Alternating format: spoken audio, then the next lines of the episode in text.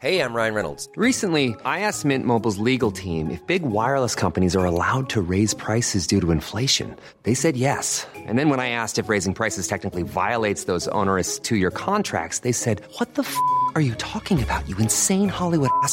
So to recap, we're cutting the price of Mint Unlimited from $30 a month to just $15 a month. Give it a try at mintmobile.com slash switch. $45 upfront for three months plus taxes and fees. Promo for new customers for limited time. Unlimited more than 40 gigabytes per month. Slows. Full terms at mintmobile.com.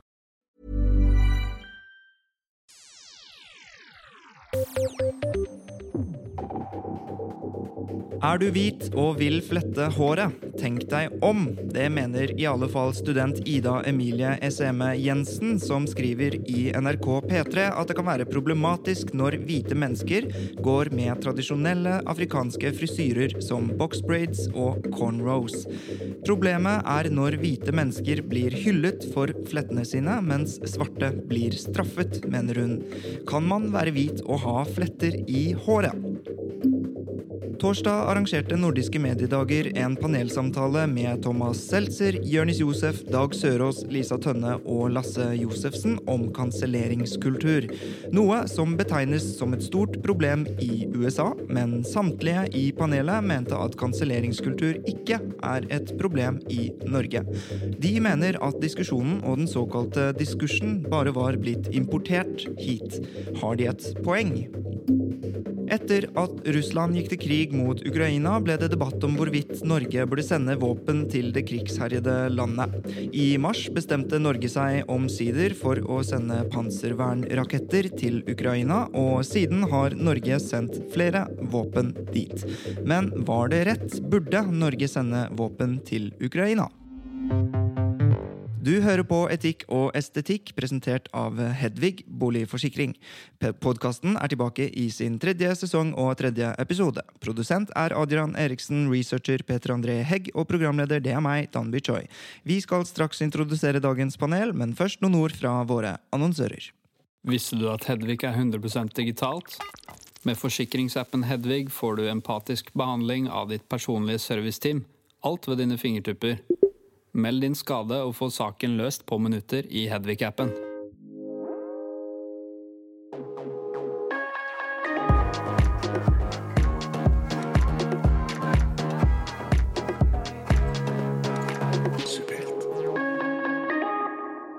Med meg i studio har jeg jurist og samfunnsviter Cecilie Hellestveit. Hellestveit har en så lang CV at vi ikke rekker å oppramse alt, men hun har i alle fall en doktorgrad i folkerett og er statsviter og sitter bl.a. i oljefondets etikkråd. Hellestveit hun har også tatt pennen fatt og gitt ut bøker om borgerkrigen i eh, Syria og borgerkrigen i Jemen, samt vært spaltist i Morgenbladet, Dagens Næringsliv og Dag og Tid. I fjor ble hun også kåret til årets navn i akademia. Velkommen til deg, Cecilie Hellestveit. Tusen takk. Du, Stemmer det at du behersker norsk, engelsk, spansk, tysk, russisk og arabisk? Ja. Eh, behersker gjør jeg ca. fem språk. Akkurat tysk jobber jeg med, litt sånn intensivt.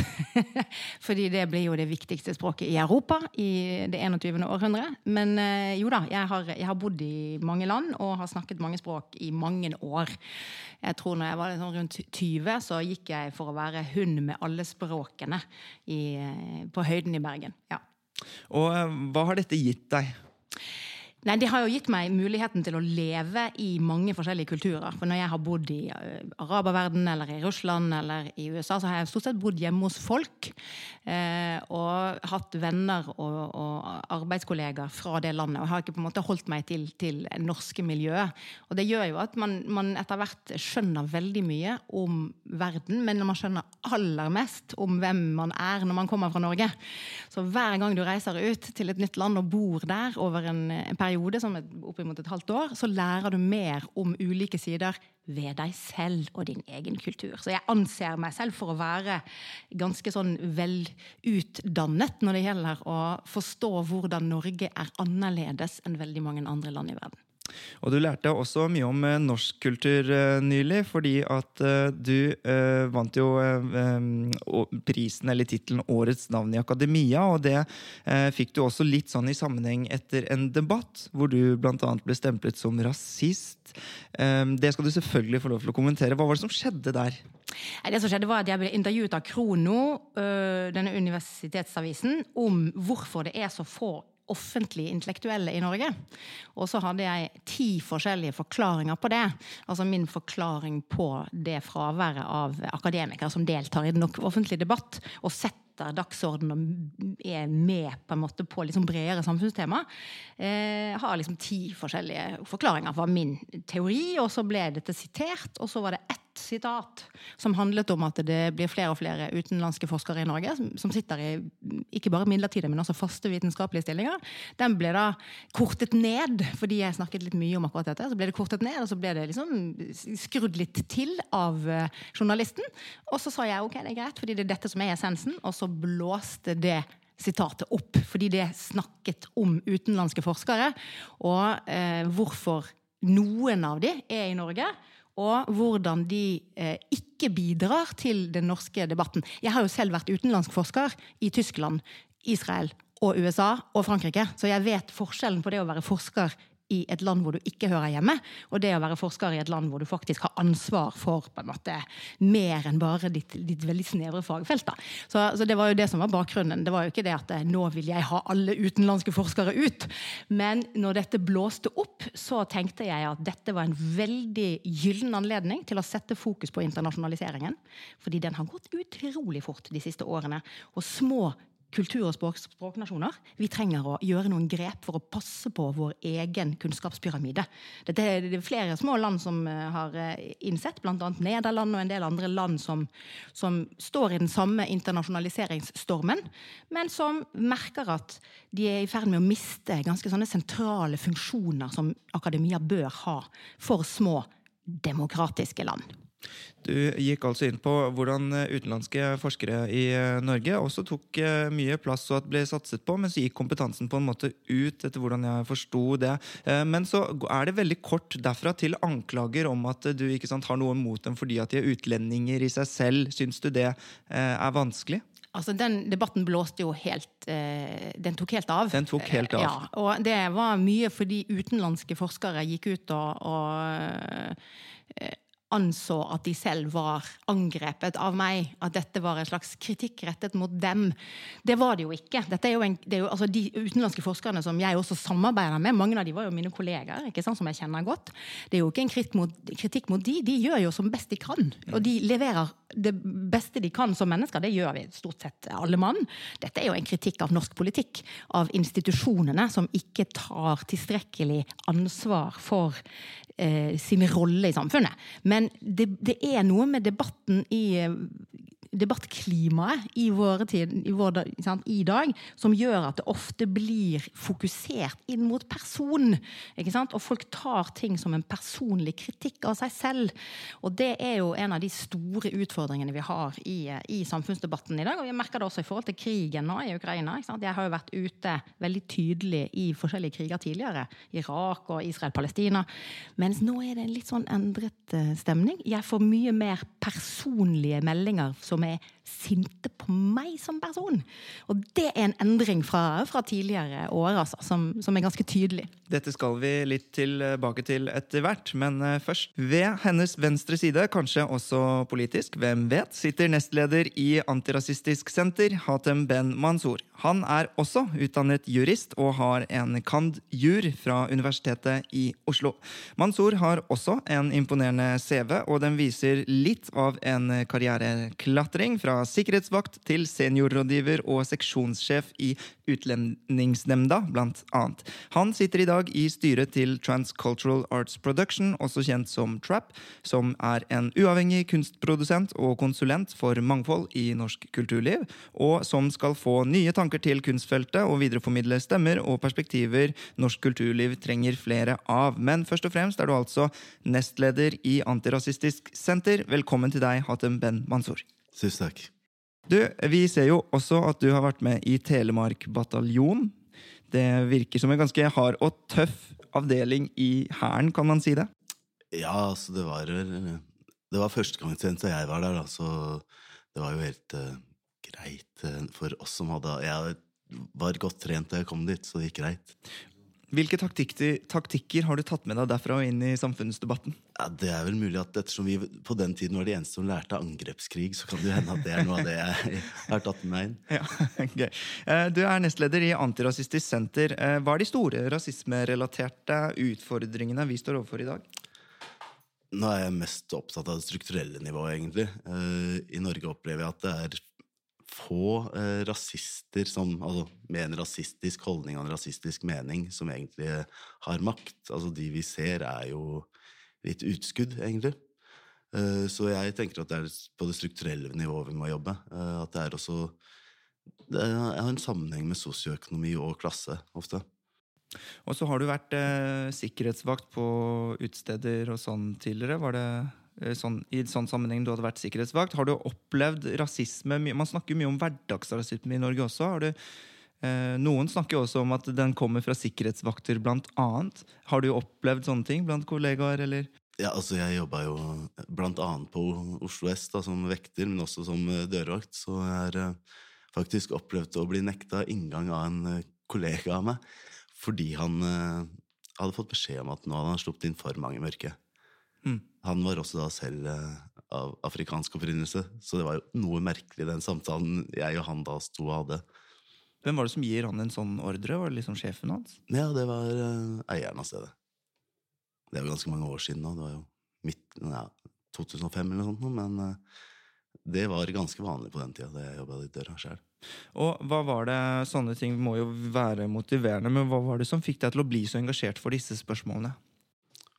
Oi, uh, det er jo en uh, medfødt uh, Egentlig. Jeg tror det er litt sånn medfødt, nesten, uh, men i hvert fall oppvokst følelse av rettferdighet. Altså, faren min var, ja, stud, drev studentopprør i Tunisia før han stakk derfra i 69. Og var på et marxistisk universitet i Frankrike etter det. Det er litt sånn, tror jeg er litt inn med morsmelka, alt jeg på å. Kan jeg vel få lov å si noe? Ja. Fordi eh, jeg har også vært litt i felt. Jeg har ja. vært mye ute i kriger. Og så har jeg grunnleggende soldatutdannelse. Ja, du har det. så vi er faktisk veldig like. Vi er jurister, og vi har vært i Forsvaret. Og vi er opptatt av de strukturelle um, skal vi si, utfordringene vi har. Så det er et veldig godt utgangspunkt, fordi vi kommer sikkert til å være ganske uenige. Men dere har altså vært i felten og i krig og sånn. Er det sånn at vi burde ha booket sikkerhet til uh, denne innspillingen? Det er ikke sånn at dere går til voldelig angrep på hverandre? Nei, men vi skal diskutere krigen i Ukraina. Det kan bli litt interessant. og med det så kan vi gå over til dagens første tema. Heter Sofie Elise, og du hører på Etikk og estetikk, en podkast fra Subjekt.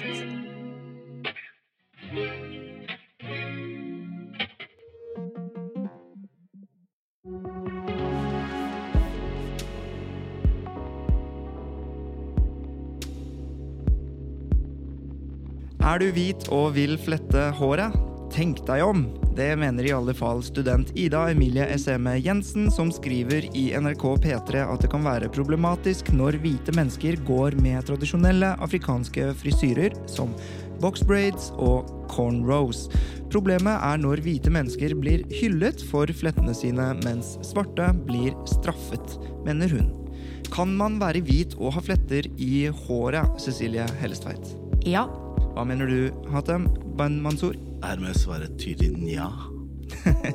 Tydelig nok. Du, eh, du, svarer ja, og jeg har jo først som sist lyst til å um, presisere også det hun skriver i NRK P3, og det er at de tradisjonelle flettene det snakkes om i denne teksten, er ikke musefletter, pariserfletter, fiskebeinsfletter, flettekranser eller andre fletter innenfor denne kategorien. Hun snakker altså om såkalte boxbraids og cornrows, som også har mer afrikansk opprinnelse. Blir svaret ditt annerledes da? Nei, ikke udelt. Nei. Eh, vi starter hos deg, Cecilie. Hvorfor sier du nei? Hvorfor sier jeg ja? Hvorfor sier du ja? nei, eh, vi lever nå i et samfunn som er veldig mangfoldig eh, kulturelt. Og alle samfunn som har mange forskjellige kulturer som blander sammen. New York, eksempel, en smeltedigel. Kairo, en smeltedigel. Jeg har bodd i begge disse byene, og der er folk utrolig opptatt av identitet. Ikke sant? Fordi når du, når du nettopp er sammen med folk fra veldig mange bakgrunner, så blir identitetsmarkører mye viktigere. Og vi kommer jo fra Norge, som er en ekstremt homogen kultur fra liksom etterkrigstiden. Alle skulle på en måte være ganske like og se ganske like ut, og vi, vi, vi tenker likt og vi går i takt. ikke sant? Mens nå har vi begynt å bli mye mer mangfoldige. Og da blir jo spørsmålet hva skal være rammene for det mangfoldet? Skal man på en måte innføre nye former for tabu? Er det slik at hvis du kommer fra Afrika opprinnelig, hvis du har eh, på en måte, Du er jo født og oppvokst i Norge, men du har afrikanske aner. Har du da på en måte monopol på noe som hører til den afrikanske kulturen? Er det noe som vi skal på en måte ta inn som en sånn kulturmarkør? da, Som du skal eh, ha eh, på en måte rett til, og hvis andre gjør det, så blir det kulturell appropriasjon. på en måte, At de stjeler på en måte litt av den identiteten. Og at det vanner ut det behovet vi alle har for å ha en egen identitet i samfunnet. Det er jo spørsmålet. sant? Og jeg, jeg synes nok at Norge er en av de samfunnene hvor vi skal være liberale på at man kan ha kulturell appropriasjon. ikke sant? Fordi vi har, en, vi har et, et, en nasjon som er ganske sterk, vi har en stat som er sterk, og som gir oss som enkeltindivider mye frihet. Og så skal man jo gjøre det med liksom, takt og tone, og man skal vite hva man gjør. Eh, men jeg tenker i utgangspunktet at det er en frihet vi skal jobbe veldig hardt for i Norge. At man ikke gjeninnfører nye former for tabu eh, i forhold til hva du har lov til å ha, på deg, hva du har lov til å representere. Men det er jo egentlig det hun også sier, at det handler om at man skal gjøre det med respekt og en viss musikalitet. Da, og at det, du ikke eh, skal um, det, det kommer jo med en lang historie, mener jo hun, og den handler også om undertrykkelse. Blant annet kan ikke hvite majoritetsnordmenn ta litt hensyn og la kulturer som er så viktige for denne gruppen mennesker, være deres? Da har jeg to eh, innspill til det. og Det ene er at eh, hun snakker jo om stjålen identitet og kamp for menneskerettigheter. Og det er jeg for så vidt helt enig i, men det er jo en kamp for menneskerettigheter som ikke foregår i Norge i dag. For her har folk stort sett sine menneskerettigheter i behold. Og hvis de ikke har det, så har de steder å gå. Sånn roughly speaking, sammenlignet med alle andre samfunn i verden, egentlig. Eh, de som på en måte står i de kampene, det er jo afrikanere. ikke sant? I dag først og fremst i afrikanske land. Veldig mye. Og da er spørsmålet om ikke man skal la hvite også få lov til å på en måte identifisere seg med den kampen til mennesker andre steder. Eller skal det være noe som du på en måte har enerett på hvis du har opprinnelse som kommer fra Afrika? Det er et sånn, litt sånn større spørsmål, egentlig. Og så har jo det, det poenget med at hun har opplevd å bli trakassert på et offentlig sted pga. flettene sine, som hun var veldig stolt av, og så kommer det nordmenn og sier at det er skitne fletter. Og det tenker jeg det er et problem med oppdragelse. Altså oppdragelse har vi til dels litt for lite av i dette landet av og til. For én ting er liksom å være konform og gå i takt. Noe annet er å rett og slett eh, Hvis du tenker liksom stygge tanker om enkeltmennesker, så hold det for deg selv. Har du fine tanker, del det for all del. Men det er enkelte ting man ikke trenger å si. Hva tenker du om eh, det Hellestveit eh, spiller inn her, da? Altså, nå er jeg mye enig om det du sier om takt og tone. Eh, mine tanker er jo at noe av det som går på at ja, en for stygg kommentar på det, er også noe i det strukturelle. Fordi man tar seg den friheten fordi man regner med å ikke bli tatt i det. Man har gjerne vært ja, i andre sammenhenger, på jobb, i skolesammenheng med barn, når han hører disse tingene, og hører andre komme unna med det, og det ikke reageres på det. og Det er del av det strukturelle. Jeg mener jo at hverdagsrasismen og mikroaggresjonen egentlig bygger opp under det strukturelle og motsatt. Altså Det er noe som egentlig er en nær sammenheng der. Hvis man tenker at det er greit å si enkelte ting om mennesker, vil man også internalisere at det er en del av det det mennesket altså bærer i seg. da. Det kan være både strukturelt og det kan handle om eh, oppvekst og oppdragelse. Men eh, likevel, vi skal må tilbake til dette med håret. Ja. Hva, hva, hvorfor tenker du at eh, sånne episoder egentlig um, um, betimeliggjør uh, at kun hun skal få lov til å ha den frisyren? Nå tror jeg ikke kun hun skal ha ha den frisyren, men det er jo noe av det med å vise respekt når man bruker det. Sorry. Det går bra. Eh, det går på det at man eh, ja, bruker altså det, det er fra det uproblematiske til det litt malplasserte, misforståtte til appropriasjon. Appropriasjon er jo når du bærer noe fra en annen kultur og ja, tar æren for det. Og det blir jo noe helt annet. Det er jo, i i mitt syn i hvert fall, ganske problematisk. Uavhengig av rett, eh, hvilken kultur det er, også hvis det ikke er en undertrykt kultur. Eh, men det mer misforståtte og malplasserte er jo der man ja, Flettene er opprinnelig lagd for krøllete hår.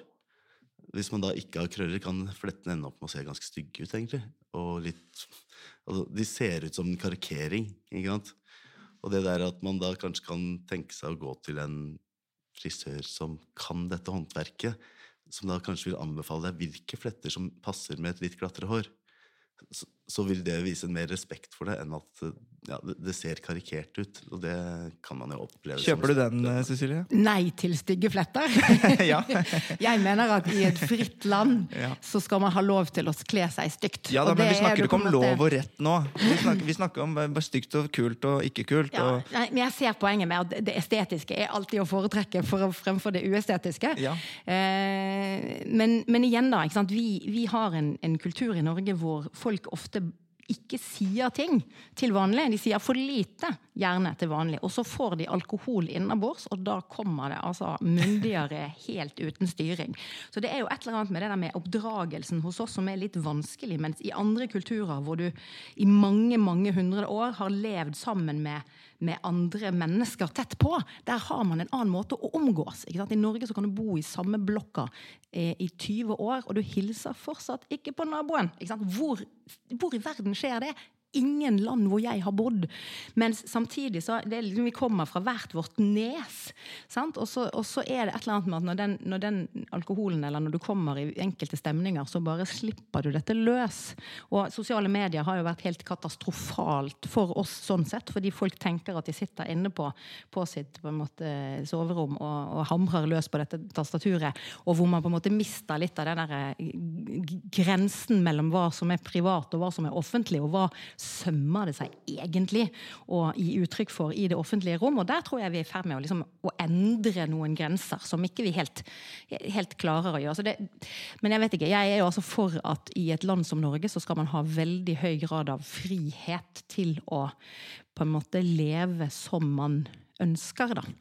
At det er en av de virkelig viktige eh, på en måte tingene vi har, har oppnådd med det moderne demokratiet i Norge. Hadde du en kommentar? Ja, jeg bare tenker at uh, dette med kulturelle uttrykk, så kan man jo også se på typiske norske kulturelle uttrykket bunaden. Hvis man bruker den på en litt sånn rar måte, eller hadde lagd sin egen festdrakt som lignet på en bunad, så får man jo ganske re mye reaksjoner på det. Fra, I hvert fall fra bunadspolitiet. Man gjør faktisk det. også sånn Bare man går med solbriller til bunad og sånn, folk klikker jo i vinkel.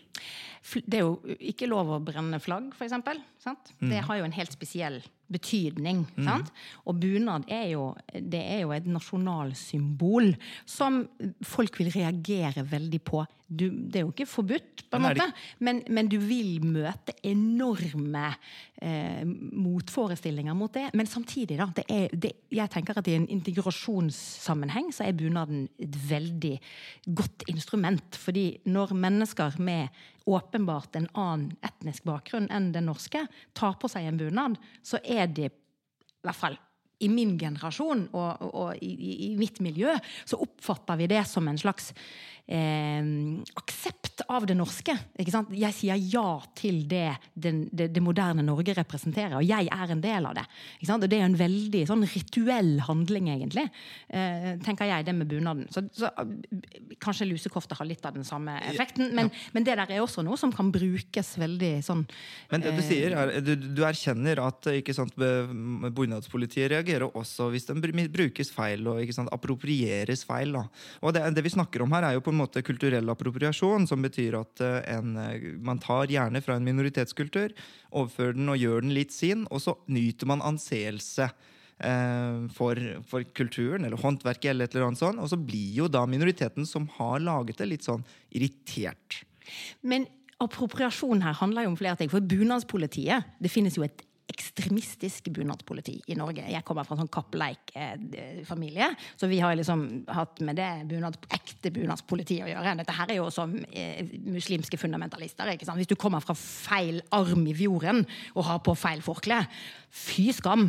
Nå, ikke sant? Mens det vi snakker om her, er jo liksom Har du på deg noe som ligner på en bunad, så har du på en måte tatt et eller annet valg i forhold til den norske identiteten. Så det er klart, her er det jo et sånn langt spekter av Men, den, politi. men denne bunadsparallellen som vi er på nå, den er litt tveget også fordi at det, på den andre siden så er det jo sånn at tenk hvis noen hadde skrevet et leserinnlegg hvor det sto skal du ha på deg Er du svart og skal ha på deg bunad, tenk deg om. Hadde jo, hadde jo vært usmakelig til de grader. Men hadde, her var det jo tenk deg om hva du gjør i forhold til Altså det jeg mener, er at hvis man da bruker ordentlig håndverk, som jeg snakka om, gå til en ordentlig frisør som kan afrikanske fletter, og det er håndverket, så er det tilsvarende å gå til husfliden og ikke da gå til en tilfeldig skredder som du har et bilde av en bunad, og bare sånn Kan du lage noe som ligner på dette? Og så komme med feil type stoff, øh, polyester sant? At da, da blir det feil. Jeg sier jo ikke at noen skal forbys å gå med fletter. Altså, det er et fritt land, altså, tross alt. Men at øh, folk vil reagere hvis du gjør Altså, det blir gjort feil. Da mister det også en del av den respekten man kan vise for det. Ja, her er jeg helt enig. Jeg tenker at Skal du først gjøre det, så kan du godt gjøre det riktig og, og skikkelig. Eh, og så er det noe med at når vi lever i et såpass mangfoldig samfunn som vi gjør, så skal man være klar over hva de ulike klesmessige uttrykkene faktisk betyr for enkelte grupper i vårt eget samfunn, som det jo er snakk om her. Og det er så enig jeg tror vi får blitt, så jeg tror vi eh, slutter der og går over til neste tema.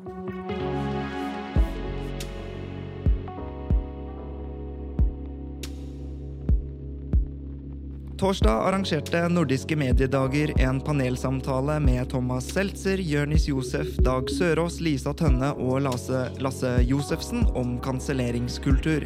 Noe som betegnes som et stort problem i USA, men eh, samtlige i panelet mente at kanselleringskultur ikke er et problem i Norge, og at bare diskusjonen og den såkalte diskursen var blitt importert hit. Har de et poeng? Hatem Ben Mansour. Ja, eh, her eh, må jeg faktisk si meg enig med panelet og si ja.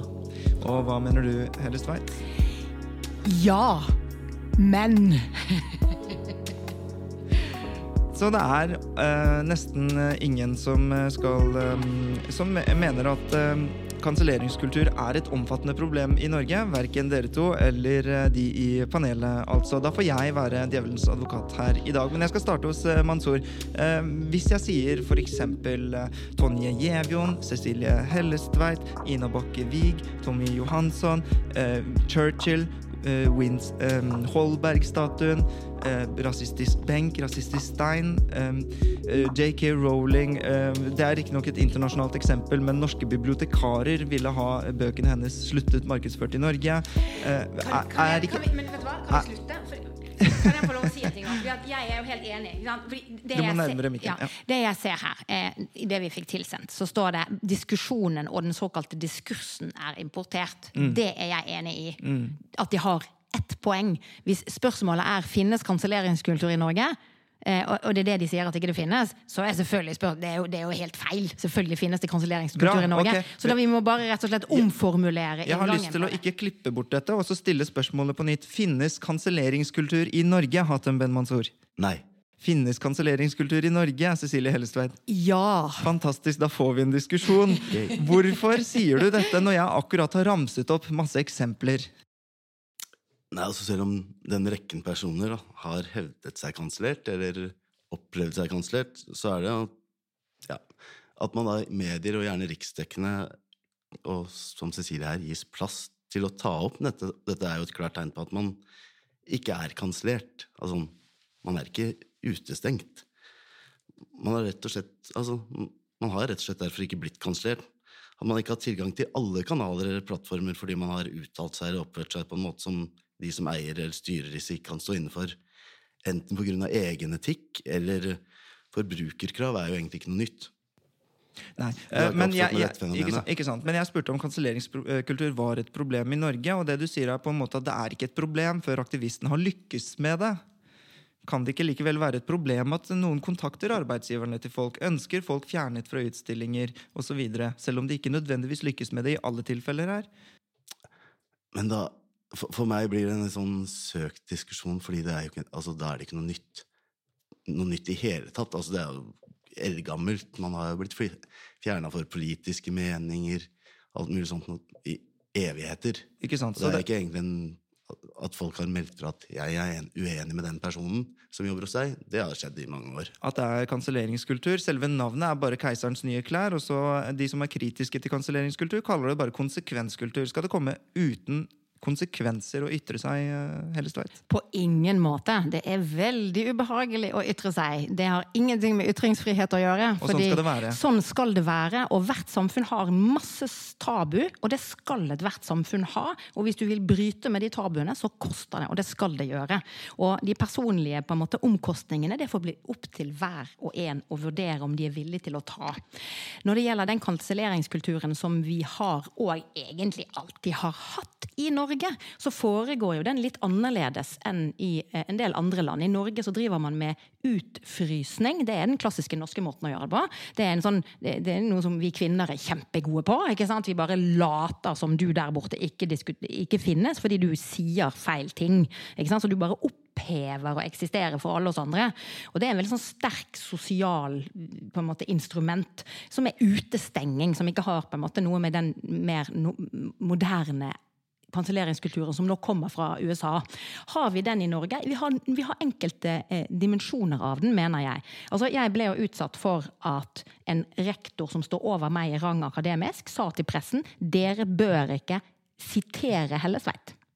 Sveit». Det var det som ble sagt fra en, en som står over meg i rang. Og så går, går pressen ut og sier jo, det gjør vi. Og du, du kan gjerne si at eh, det at pressen går ut og sier vi skal sitere Hellestveit allikevel, det har jo sammenheng også med min relasjon til pressen. Jeg har vært rødtelefon for pressen i 25 år. ikke sant? Og det gjør at da oppstår det en sånn annen type situasjon. Hvis jeg ikke hadde hatt den bakgrunnen, så er jeg jammen ikke så sikker på om det hadde vært eh, resultatet. Det er det ene. Og det andre var at jeg underviser i det, det temaet som jeg på en måte har eh, spesialkompetanse på i Norge, som er eh, krigens regler. ikke sant? Regler for krigføringen. Og underviser jeg på Universitetet i Oslo. Og så fikk jeg beskjed av en, av en utenlandsk professor om at jeg måtte slutte å være med i den debatten. Jeg måtte ikke si det jeg sa om internasjonalisering. Uh, nå måtte jeg slutte. Sant? Og så fikk jeg beskjed om at hvis ikke du slutter, ikke sant? så til syvende og sist så ble jeg tatt av undervisningen. Sant? Fordi at jeg ikke gjorde det. Og hvis du ikke kaller det for et forsøk på kanselleringskultur, så er det klart da, da binder du opp noe som en forsker sier, med oppgavene vedkommende har i kraft av sin ekspertise. Sant? Og det er klart, Da er du over på et annet sted. Nå, nå, nå ble det også slik at det ble endret etter at Morgenbladet gikk inn i saken. Da endret det seg, så fikk jeg undervise likevel. Eh, og denne saken her ble ryddig ordnet til slutt. Veldig ryddig fra juridisk fakultet. Eh, var enden på visa. Sant? Men hele prosessen viser jo at du må ha pondus, og du må stå i det, og du må insistere, og du må ha støtte. Sant? Og det er det mange mennesker som ikke har i samme grad som det jeg har. Og det er jeg veldig klar over. Og jeg syns at den, eh, den prosessen i høst, den landet på en veldig ryddig måte. og alle endte opp med å ta prinsipielt riktige standpunkt. Sant? Og det var en seier, sånn sett. Sant? Fordi da håper man jo at dette her er noe som folk legger merke til og tenker at ok, vi kan ikke ha det sånn, vi må gjøre dette istedenfor. det er dette som er riktig prinsipielt. Og det er jo den evige kampen for ytringsfrihet mot kanselleringskultur. At man har et eh, eksempel, og så setter folk seg ned og tenker over om den intuitive reaksjonen Hold kjeft! Ikke snakk om dette! Dette er vanskelig eller vondt, vi vil ikke det. Og så går man noen runder, og så kommer man frem til at jo, ok, det er vi nødt til å tillate at vi snakker om allikevel. Selv om min holdning i dette, så må, jeg, så må på en måte taket være høyt nok til at andre mennesker som også har kompetanse har andre synspunkter og, og, og, og fremmer de. Så, så, det er jo den den kampen der. Og, jeg tenker at på enkelte tema, som er veldig følelsestunge, da, og som handler ofte om folks identitet, så er det en sånn evig kamp mot kanselleringskulturen. Fordi at tabuene våre ja, ligger der. Og to eksempler på vellykket kanselleringskultur, kan man si, da, er jo selv om, fortsatt, selv om, de fortsatt får lov til å snakke i media, og det skulle jo bare mangle, egentlig, er jo egentlig f.eks. Nicolay Ramm. Der eh, var det en minoritetsperson som reagerte, og som til slutt ikke som trakk sine reaksjoner, egentlig. Eh, men i mellomtiden slettet NRK serien en sketsj hvor de eh, tullet med japanske gameshow eh, med Nicolay Ramm. Og her er det jo på sin plass at jeg engasjerte meg i den debatten, og flere av disse som vi snakker om, så det er fint å orientere lytterne om at jeg har uttalt meg i debattene, men jeg skal prøve å stille kritiske spørsmål begge retninger. Men poenget er at den gangen så var det Nicolay Ramm som gjorde en sånn kulturell appropriasjon, eller en dårlig sketsj, kanskje. Og så var det én person som krevde den sketsjen tatt av luften, og det ble den. Og da er det jo er det et problem problem. Det kan jo være et problem fordi at eh, man ikke får sett sketsjen, at man ikke kan lære av det osv. Det andre var f.eks. Ina Bakke Wiig, som skulle være med i en gruppeutstilling, men etter å ha trykket like på kjæresten sin eh, Facebook-post som var harselerte med pride, da, pride-bevegelsen, så kom det jo frem at eh, kuratoren og galleristen fjernet henne tok henne ut av utstillingen. Sånne personer skal vi ikke ha her. Og Spørsmålet om, om dette er et problem, er jo da om ha, blir ytringsrommet for trangt? Kan vi ikke også ha plass til de som er kritiske til pride? Men da syns ikke jeg altså, Ytringsrommet blir jo ikke snevert av at du får konsekvenser og reaksjoner på det.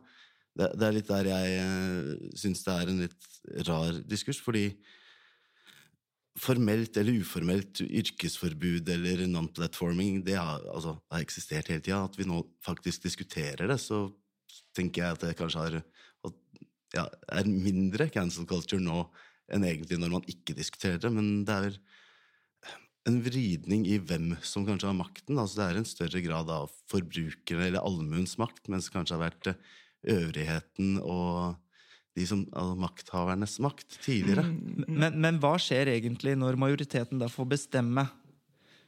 Blir det ikke litt trangt for de som har annerledes meninger? Vil ikke det slå veldig hardt ut på minoritetsmeninger? Og for å støtte pride er jo veldig, det er jo stuerent. Ja, men også, Nå er jo ikke spørsmålet nødvendigvis om man altså, At du ikke får delta på en utstilling, betyr ikke at du altså, ikke eksisterer. Du kan finne en annen utstilling da, hvor andre kunstnere som kanskje deler dine meninger. For er, altså, i kunstmiljøer er det jo veldig ofte også politiske knytninger til uh, hva man står etikk, moral opp mot kunsten.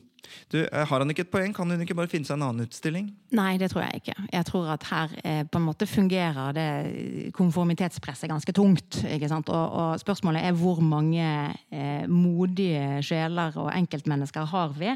Eh, det viser seg ofte ikke så veldig mange når det blir snakk om å eksponere seg selv eller sin egen eh, institusjon for massiv kritikk, så velger man veldig ofte det minst ubehagelige alternativet. ikke sant? Dette her gjorde jo Norge under karikaturstriden i 2006. Fordi jeg, jeg, jeg, er litt opptatt av at vi må være klar over at vi står i en form for kulturkrig. Og det er et resultat av mange ting. Det er bl.a. at mange kulturer kommer nærmere hverandre. Og kulturer er veldig ulike. Og når du kommer på en måte nærmt innpå hverandre, så oppstår det en masse gnisninger. Og det er på en måte det vi har i Norge, men vi har det også internasjonalt. Og teknologien gjør at dette her går veldig fort, og plutselig så skal du forholde deg til på en måte hva de kan bli krenket av i eh, Kabul eller i Saudi-Arabia. eller i Det er ikke bare nabolaget, men det er liksom alle der ute. Og måten Norge, og for så vidt Europa, taklet karikaturkrisen på i 2006, som var den første store liksom, spørsmålet om eh, skal du krenke eller skal du ikke, hvorfor skal du gjøre det, hva er poenget? Der strøk vi jo med glans. Ja, altså, jeg var sjokkert sjokkert over den måten eh, Europa taklet det på. fordi det handler også om å si at det er forskjellige steder i verden hvor man har ulike tabu. Men man kan ikke la tabuene til alle sette meteren for oss. Sant? Og spørsmålet er hvordan klarer vi allikevel å bevare det, det ytringsrommet som er naturlig i Norge. Norge har masse tabu. Du kan ikke snakke om likestilling. Sant? Er du mann, så kan du ikke mene at du er imot uh, allmenn verneplikt for kvinner. Det er et tabu vi har. Det må vi slåss for at menn skal kunne mene. Du kan ikke mene i Norge i dag, hvis du er mann, at jeg mener at kvinner bør være hjemme med barn gjennom svangerskapet og til de er ferdig ammet. Du har ikke lov til å gi uttrykk for den meningen. Det er jo ikke et demokrati i betydningen du kan mene og gi uttrykk for alt i alle kanaler. Slik fungerer det ikke. Det jo, det, men det er jo vår eget tabu. Sant? Så vi står på en måte både med våre egne tabu, og så har vi tabuene fra liksom hele verden. Og så har vi det møtet mellom den ekstremt skal vi si, konforme, men også ganske homogene norske kulturen, som, hvor, hvor, måten å løse problemer på ofte har vært ikke snakk om det, da. Sant? Og hvor det er bygdedyret som gjør at alle bare skjønner at hvis du ikke sant? Men så er vi nå ulike.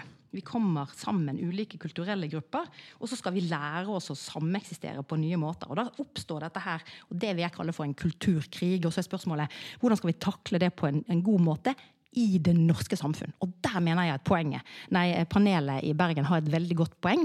At man skal ikke importere kanselleringskulturen fra USA.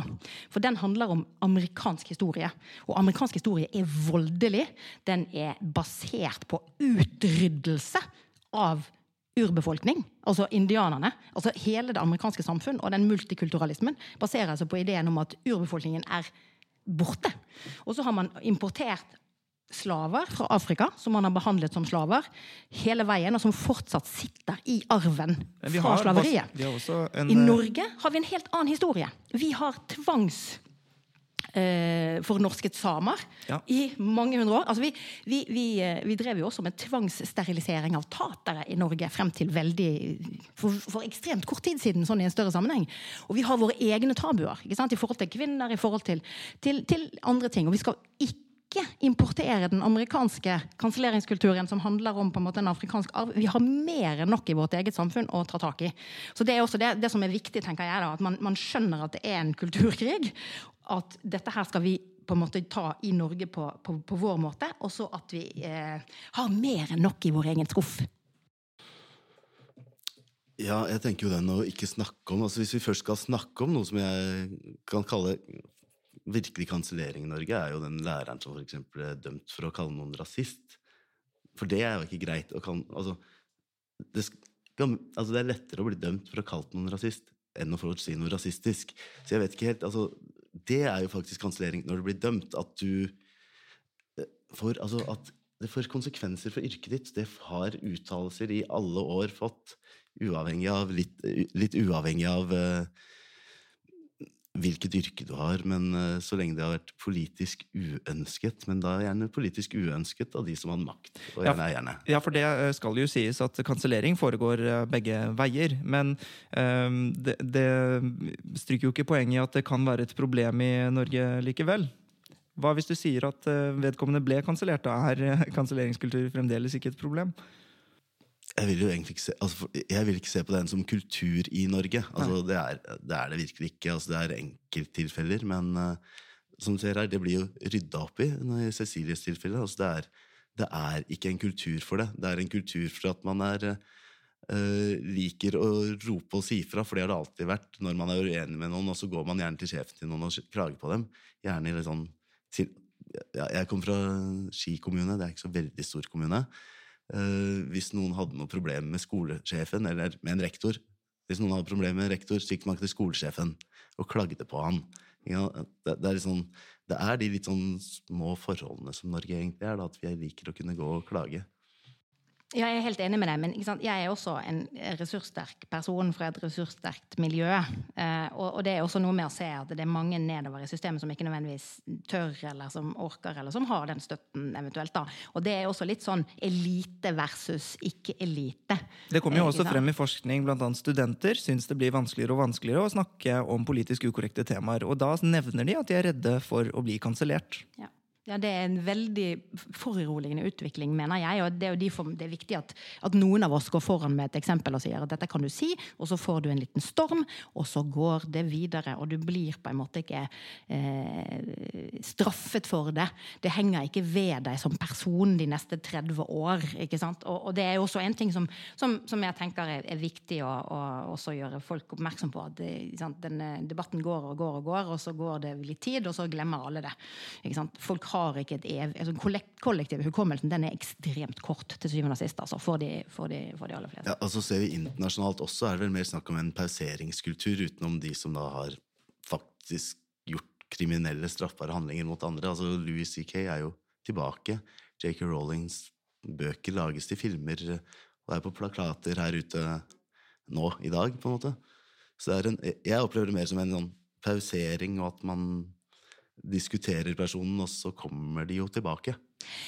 Jeg er nok veldig opptatt av å ikke gjøre for mye sammenligninger mellom Norge og andre land. Fordi Norge er et litt spesielt land i verden i dag. Både fordi vi kommer fra en veldig homogen kultur med et veldig sånn ens Eller i hvert fall et, et, et, et gitt etnisk opphav. Og så er det veldig tydelig når det kommer folk fra andre steder. En, en, del land i verden så er det ikke så lett å si hvor du kommer fra, om du er født her, eller om, om foreldrene dine har bodd her i 300 år eller ikke. Og i Norge er det tydeligere av klimatiske grunner. Vi har for lite lite sol i dette landet. ikke sant? Og, og, og det, det, gjør at det, det, det skillet kanskje blir mer eh, dramatisk enn en del andre land lenger sør. Men det som er det viktigste, er jo at vi er det mest demokratiske landet i verden i dag. Vi vinner alle indikatorer og indekser. Og, og, og senest i, på torsdag var jeg sammen med noen amerikanske analytikere i forbindelse med, med, krigen i Ukraina, og de sier det også. Dere har i Norge et helt spesielt demokratisk samfunn. Det må dere passe på, og, eh, og det må dere ta vare på inn i den, det, den, sant, den tiden vi er nå. Og det er det som er så viktig. At vi, at vi ser at vi har våre egne utfordringer, og det er de vi skal ta tak i. Og ikke importere disse tingene fra, fra andre settinger hvor hvor det er andre kamper og det er andre historier. Vi har våre egne, og det er det som skal være vårt, vårt hovedfokus. Da. Men spørsmålet er hvem er det som egentlig importerer det? Er det taktikken som importeres og benyttes, eller er det bare dis altså diskursen og samtalen og begrepene man diskuterer? Og Du nevner demokratisk eh, land, og dette er verdier man skal forsvare. Problemet er vel egentlig at kanselleringskultur, eller kanselleringstilfeller i opphopning, er, eh, er antidemokratisk. ikke sant? Det er, jo, det er mot at man skal få lov til å si eh, hva man mener og bidra til samfunnet.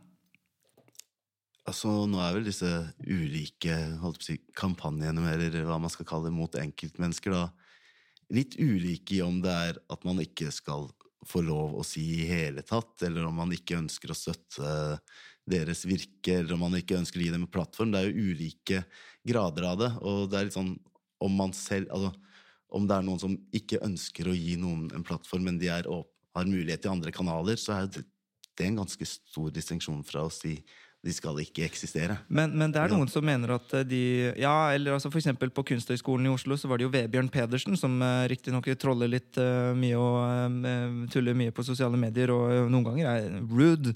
Men en gang så skulle Jeg vet ikke om dere har sett Gutter mot verden i NRK, men der er det en episode hvor han skal bli intervjuet av NRK. og det har andre elever på KIO fått med seg, så de har bestemt seg for å gå ned og rett og slett kamerabombe, eller altså, som i ikke la han snakke på TV. Eh, og da går de ned og liksom prøver å bryte sendingen. Steller seg foran kamera og liksom Det er jo ikke sant, å prøve å no-platforme noen, da. Det er da en motytring. Ja, er det, er det, virkelig det? Det er jo en ytring. Så det er jo en motytring. Å stelle seg foran kamera. Tydelig uenighet. Eh, hvis, altså, hvis, en rekke andre handlinger som eh, jeg ikke orker å gå inn på nå, er, eh, mot, er ytringer, så er jo det også en ytring å stelle seg foran. Og Hvis koranbrenning er ytring, er det også en ytring, Cecilie? Ja, det, jeg mener dette er en ytring. Det er en ytring. Å blokkere for andre er en ytring, men det er en ytring som er helt på grensen av det vi bør akseptere. Og ikke fordi at vi skal forby det ved lov, men fordi man skal på en måte reagere mot det og si at dette her er, er udemokratisk oppførsel. Kan jeg bare få lov å si én ting? I eh, moderne europeisk historie så var det jo slik at etter krigen så ble ytterliggående røde bevegelser de ble forbudt i en god del europeiske land. I Norge valgte vi å ikke forby de veldig røde bevegelsene. De ble tatt inn i varmen. De fikk være med på alt mulig. Hva var voldsmønsteret i Europa? Jo, de ble voldelige. De ble terrororganisasjoner. I Norge så ble de tatt inn i varmen og sitter på en måte nå eh, mange steder i samfunnet. ikke sant? Og, og, det er jo den måten vi har historisk gjort det på, og jeg syns at det skal vi holde fast ved. I Norge så skal det være lov å gi uttrykk for eh, alt som er akseptabelt etter loven. Og det er på en måte oppfordring til vold. Der går det en grense. Og den skal være absolutt, og den skal gjelde for alle. Og den skal gjelde uansett om det er liksom de mest grunnleggende verdiene i, i, i samfunnet vårt som utfordres. Ikke sant? Eh, mens, mens, mens, det som er innenfor der, skal man ha anledning til å gi uttrykk for. Og så er det tabuet som skal regulere hvor mye det koster å si de forskjellige tingene. Og da er det jo bare å gå løs med alle mulige slags demokratiske virkemidler og utestengning, for den saks skyld. Altså, det er også litt sånn at vi er nødt til å akseptere at enkelte meninger vil møte veldig mye motbør i vårt samfunn, og det skal det også gjøre. Men kan det Men bli et det skal være lov å gi uttrykk for det, og å ta den sosiale omkostningen det har. Jeg tenker det først blir et problem der de som opplever seg kansellert, ikke har muligheten til å for eksempel få en plattform i media til å uttale seg om at de er blitt kansellert, eller at, de, altså at kanselleringen blir skjult. Altså, det hadde vært et problem. Nemlig. Og med det kan vi gå over til dagens siste tema. Visste du at Hedvig er 100% digitalt? Med forsikringsappen Hedvig får du empatisk behandling av ditt personlige serviceteam. Alt ved dine fingertupper. Meld din skade og få saken løst på minutter i Hedvig-appen.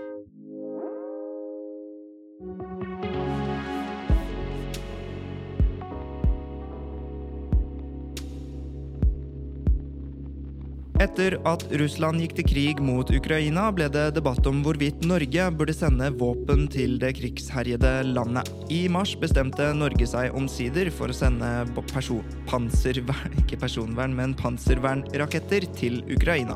Og siden har Norge sendt flere våpen. President Zelenskyj ber om enda mer. Burde Norge sende våpen til Ukraina, Cecilie Hellestveit? Nja. Oi, det har, det har endret seg siden sist, tror jeg. Og hva mener du, Hatem Ben Mansour? Nei, altså, jeg har landa på et Ja eller nei? Ja. Du har landa på et ja. Og hvorfor sier du nja? Jeg har jo lest deg som en som har vært veldig kritisk til at Norge sender våpen til Ukraina. Vi må eh, stille litt på mikken din. Ja.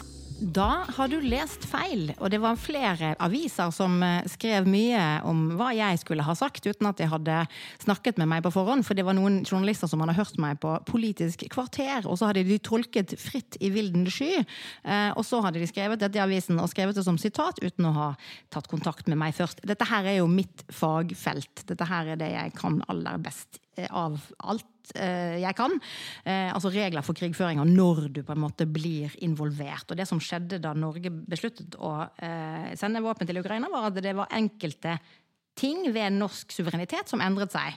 Som gjør at russerne har anledning til å påberope seg enkelte ting som de ikke ville kunne gjøre dersom de ikke ville leverte våpen. Og grunnen til at jeg sier ja, er at dette her er jo et tema som jeg jobber med til daglig. Jeg driver og skriver en bok nå som heter 'Dårlig nytt fra østfronten', og jeg jobber med det akademisk og opp mot eh, en lang rekke myndigheter. Så jeg tar ikke stilling til om Norge bør eller ikke bør sende våpen, fordi i det øyeblikket jeg som fagperson gjør det, så begynner måten jeg analyserer informasjon, som jeg har tilgang på, som jeg leser veldig mye hver dag, måten hjernen min da selekterer den informasjonen, vil alltid være for å underbygge mitt eget på en måte posisjon. Så det unnlater jeg rett og slett. Jeg har ingen posisjon på temaet. Men det jeg mener er at hvis Norge faktisk leverer våpen, så skal vi gjøre det så det monner.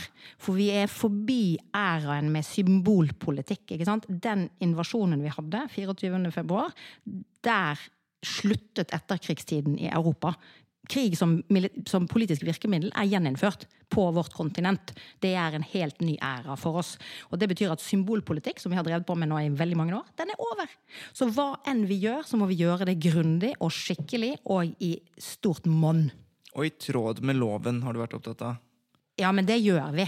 Man driver ikke og tuller med loven når det gjelder militære tema, fordi det er en nemlig håndhevelsesmekanisme bak krigens folkerett, og det er kanoner. Men det, noe av det du har eh, innvendt, er at eh, man eh, ved å sende våpen til Ukraina gjør det lettere for Russland å eh, betimeliggjøre eh, en invadering av Norge. Nei, det er ikke invadering av Norge, men Russland har under enkelte forhold lov til å skyte ned sivile norske fly på norsk jord. Hvis vi har sendt våpen. Når vi sender våpen. Fordi dette vil bli lovlige mål i det øyeblikket det når ukrainsk territorium. Og norsk suverenitet beskytter ikke eh, Norge like godt som vanlig i forhold til våpenleveransene.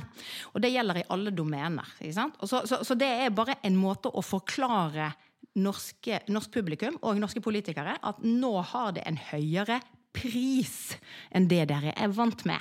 Det kommer med en høyere pris, likevel så sier du ja. Hvorfor det? Ja, altså Nå er jeg ikke verken ekspert på Ukraina eller Russland eller forsvarspolitikk. Jeg har tatt krigens folkerett, eh, i hvert fall. Eh, men eh, for meg er det jo mer altså Spørsmålet er jo Fører forlengelsen av krigen kanskje til en økt sivil lidelse? Det er egentlig mer der jeg tenker det kunne vært et nei. eh, altså i tillegg til det folkerettslige, som jeg ikke er ekspert på. Eh, men jeg tenker jo at det også må veies opp med at ville da de ukrainske styrkene egentlig stått, lenger, stått så lenge som mulig uansett, og gir det her en større mulighet for sivile å flykte ut. I tillegg til at jeg som tidligere soldat har jo litt forsvarsinteresse og tenker at eh, det gjør jo ikke noe eh, for andre land som Moldova og ja, baltiske stater, Sverige, Finland og til syvende og sist Norge, om den eh, russiske militære kapasiteten svekkes. For hvis jeg tenker at de kunne kjapt gått videre også hvis de bare hadde Altså, hvis dette var en kjapp operasjon, så kunne de gått videre inn i neste enklave med russere. Men dette er jo også et verdispørsmål om å forsvare ikke sant, det liberale demokratiet. Og da nordmenn ble spurt, så svarte faktisk ni av ti på et tidspunkt at vi burde sende våpen til Ukraina.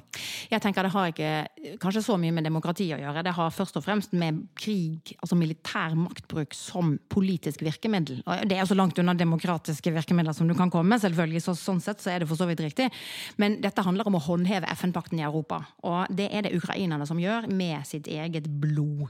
Og så er spørsmålet skal vi støtte dem i å klare å markere overfor Russland at du kan ikke oppnå noe ved å bruke dette, dette virkemidlet. Og det er det bare rå makt som kan nytte akkurat nå. ikke sant? Så for Norge så er det slik at hvis, hvis vi hjelper Ukraina med å vinne denne krigen nå, så er det tryggere for Norge på lengre sikt. Vi er det Nato-landet med lengst grense med Russland. Dette her har store konsekvenser for oss også over tid. Eller så taper Ukraina, og da blir det farligere for Norge på lengre sikt. Så det er enten en høyere risiko for Norge hvis vi leverer våpen på kort sikt, eller hvis vi ikke gjør det og ikke bidrar, så er det en, lengre, en større risiko på lengre sikt. Eh, Det vi kunne gjort, det er å levere medisinsk materiell. Fordi medisinsk materiell, altså feltsykehus til soldater, det, har, det, det, det klassifiseres ikke som våpen, selv om det har en veldig viktig på en måte militær effekt for ukrainerne. Den form for krig vi har i, i Ukraina nå, den er ekstremt voldelig, og det går voldsomt utover soldaters liv. De blir, de blir skadet. Og hvis du på en måte har medisinsk hjelp som kan sette dem i stand til å reise tilbake til fronten, så har det en veldig viktig funksjon for Ukraina. Og der kan du gjøre hva du vil, fordi det teller ikke som våpen. Så det Norge kunne gjort, var å gått i Nansens fotspor, som, som sant, også i samme område på, på 1920-tallet, og bare pøst på med voldsomme mengder med medisinsk materiell til soldatene. Eh, fordi vi skal jo også huske på at Norge er en av de statene i verden som tjener mest penger på denne krigen. Vi får kolossale tilleggsinntekter som følge av eh, energi, altså gass, gassprisene i verden, som følge av det som skjer med, med, med relasjonen mellom Tyskland og Russland, blant. Det er en mer kompleks situasjon, men vi tjener mye penger på denne krigen. Det vi burde gjort, det vi kunne gjort, utover å levere våpen, var å si at all Sette, få Finansdepartementet sine revisorer og, og, og tellefolk til å telle hvor mye penger tjener Norge på denne krigen. Sette de pengene av på et eget fond som øremerkes til tre ting. Og det ene er å støtte Ukraina under krigen på en eller annen måte. Eh, hjelpe til humanitært med de flyktningene som finnes i mange land og i Ukraina som følge av krigen. Og tre, sette av penger til gjenoppbygging av Ukraina etter krigen. Det ville vært en ryddig måte å si. Vi er ikke krigsprofitører, har ingen intensjon om å bli det, skal ikke kunne anklages for å være det, fordi vi gjør dette på den måten. Det hadde vært den ryddigste måten tenker jeg, for Norge å være veldig tydelig på at vi gjør alt vi kan innenfor de rammene vi har, på å markere overfor Russland at det er Ukraina vi støtter, og vi aksepterer på ingen måte det russerne holder på med. Det, er- men eh, med at dette var et eh, liberaldemokratisk spørsmål, så mente jeg ikke at eh, dette handler om at ni av ti mener det, og derfor skal vi gjøre det, men at det handler om, mer om liberaldemokratisk verdensorden. Eh, og at man skal forsvare sine naboland. Er det, er, det ikke Selv om det er en større risiko hvis eh, Ukraina taper, er det ikke viktig at vi går inn med alt vi kan? Mulighet, altså de, Russland brydde seg jo pent lite om disse krigslover og reglene da de Ja, det, gikk inn. det er feil, fordi at russerne de bruker akkurat de samme argumentene som det amerikanerne og israelerne har brukt uh, overfor Iran når de har tatt opp uh, den uh, mellomstatlige krigen mellom israelerne og iranerne som foregår, som har foregått siden 2019, sånn titt for tatt i Midtøsten. Og i tillegg så bruker de de samme argumentene som amerikanerne bruker i 2018 for å bli stående i Øst-Syria etter at IS er slått, for da hjelper jo de en ikke-statlig aktør mot, mot krigførende myndigheter i Damaskus. Så det russerne gjør, er at de, de har speilet sin argumentasjon på det amerikanerne gjør og har gjort i Midtøsten de siste årene, altså pågående operasjoner. Og det gjør jo at en del land utenfor Europa sier at oi, ja ja, ok, men er det slik at det er én type regler som gjelder for europeiske land, og én type regler som gjelder for land i Midtøsten og andre? Nei, men det vil vi ikke være med på. Så det er veldig viktig å være klar over at ca. 75% av verdens land ikke støtter opp om sanksjonene mot Russland. De mener at dette er en europeisk krig. Altså ikke en global krig mellom demokrati og for en liberal verdensorden, men en europeisk krig. Det russerne har gjort, er at de har tatt virkemidler fra Midtøsten og introdusert i Europa. Det er helligbrødet. Fordi vi har bygget en verden i 75 år ut ifra tanken på at globale og regionale institusjoner skal hindre krig fra å komme tilbake til det europeiske kontinent. Det russerne har gjort, det Putin personlig har gjort, er å si jeg tror jeg gjenintroduserer krig som virkemiddel på europeisk landterritorium. Vær så god. Sant? Det er det som er situasjonen. Og da er på en måte resten av verden De har vært i den nye æren allerede en stund. Og nå er det litt sånn OK, Europa, velkommen etter. Du hadde en kommentar? Ja, nei, eh, jeg tror det meste ble sagt der, eh, men det er jo litt eh, Jeg, tenker jo at eh, noe av utviklingen her er jo det hun sier at Putin også har sett til hva USA har brukt som argumentasjon, og da bruker man jo den. Altså det er en Han har aldri vært en dum mann, etter det jeg har skjønt. Og her vil jeg bare si og legge til, til at jeg støtter ikke Russland i dette. Dette har jeg jobbet for i to-tre tiår. Og jeg har for så vidt også de siste årene advart mot måten vi har klassifisert krigen i Ukraina. For krigen i Ukraina den har foregått siden 2014. Ikke sant? Det er jo grunnen også til at, til at russerne har anledning til å argumentere på den måten de gjør. Og at det har europeerne på en måte akseptert uten egentlig å forstå at Europa også er en del av verden. Og det er klart, Jeg har fått ganske mye pepper de siste månedene når jeg forholder meg relativt eh, skal vi si, analytisk til det som foregår. Fordi det er det ikke nødvendigvis rom for i Europa lenger. Fordi vi er jo i en form for Vi er jo deltakere. Vi støtter Ukraina, og vi er krigsdeltakende på den måten, da, ikke sant? Altså også mentalt. Og da blir det alltid et mye trangere rom for å uttale seg. Selvsensuren slår inn på alle måter. Dette skjer i alle samfunn som er i krig. Eh, og vi er ikke i krig, men vi er ikke så langt unna krigen. Sant? Så det vil si at litt av den skal vi si, selvsensuren og, og, og på en måte presset på de som prøver å gi en annen versjon av historien, blir mye, mye tyngre enn det vi er vant med. Det kommer til å forandre seg den dagen den krigen er over.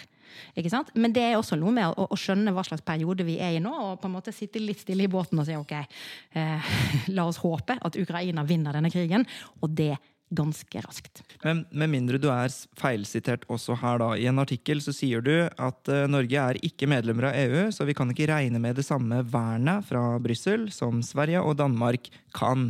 Eh, og eh, du snakker om vern hvis vi bestemmer oss for å sende ned våpen, og det har vi jo allerede gjort til Ukraina. Hva slags vern er det du snakker om at vi da trenger? Fordi i hvilken grad tenker du Russland kan bruke dette mot oss? Det var, dette ble sagt veldig tidlig. Dette ble sagt helt innledningsvis. Og på dette tidspunktet så hadde eh, Brussel, altså EU, hadde gått ut og sagt at vi leverer våpen til Ukraina. Og det gjorde Brussel fordi alle disse EU-landene som har felles grense med Russland, de leverte våpen. Og det gjorde også Finland og Sverige, som ikke er Nato-medlemmer.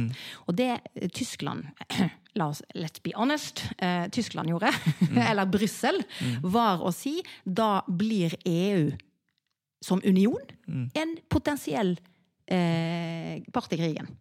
Så hvis Russland bruker dette argumentet med at Finland og Sverige leverer våpen, som begrunnelse for å begynne å på en måte poke borti finsk og svensk eh, suverenitet, så får du med Brussel å gjøre. Og Brussel har en masse virkemidler i sin verktøyskasse, så de kan på en måte tatt krigen opp på andre områder. Ikke, ikke nødvendigvis militært, men på andre områder. Så det var makten, det var ikke retten. Ikke? Fordi når et land leverer våpen, så eksponerer du det mer, og så kommer Brussel og sier vi kommer til å beskytte dem.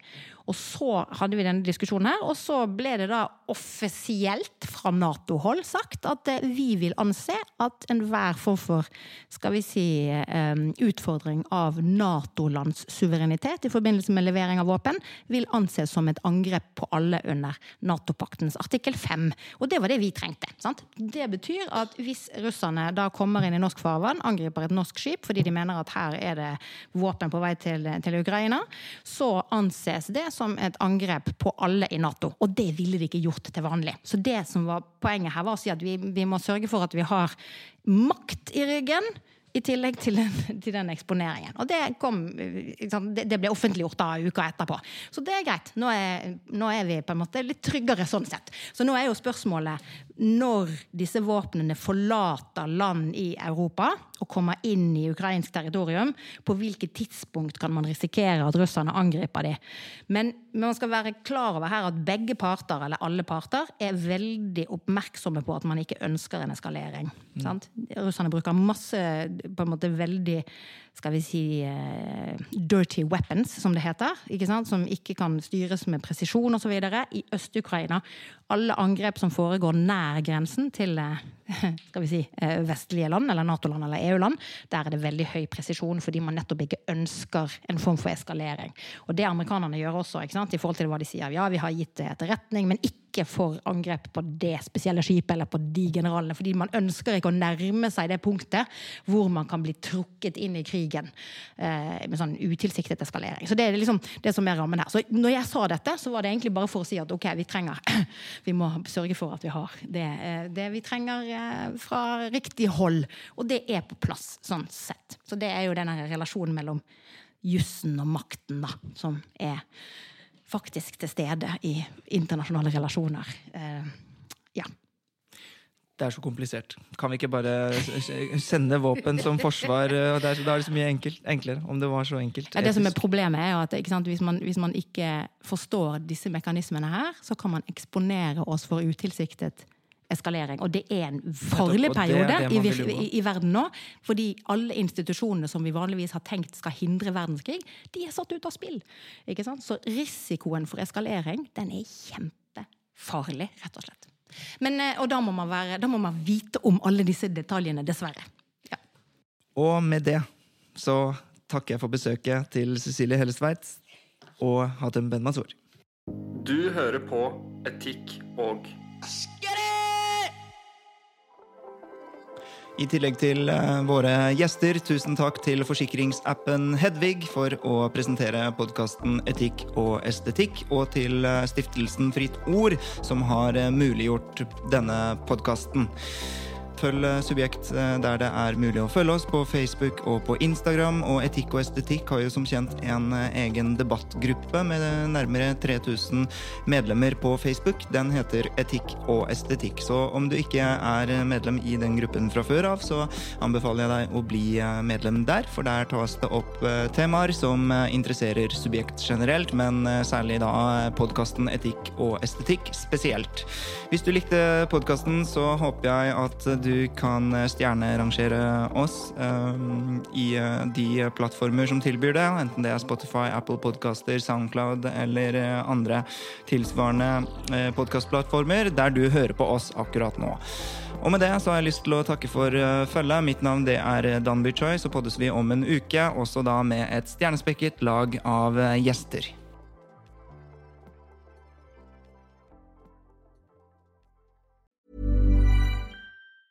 Hi, I'm Daniel, founder of Pretty Litter. Did you know cats tend to hide symptoms of sickness and pain? I learned this the hard way after losing my cat, Gingy. So I created Pretty Litter, a health monitoring litter that helps detect early signs of illness by changing colors, saving you money and potentially your cat's life. Pretty Litter is veterinarian developed, and it's the easiest way to keep tabs on your fur baby's health right at home. Go to prettylitter.com and use code ACAST for 20% off your first order and a free cat toy. Terms and conditions apply. See site for details.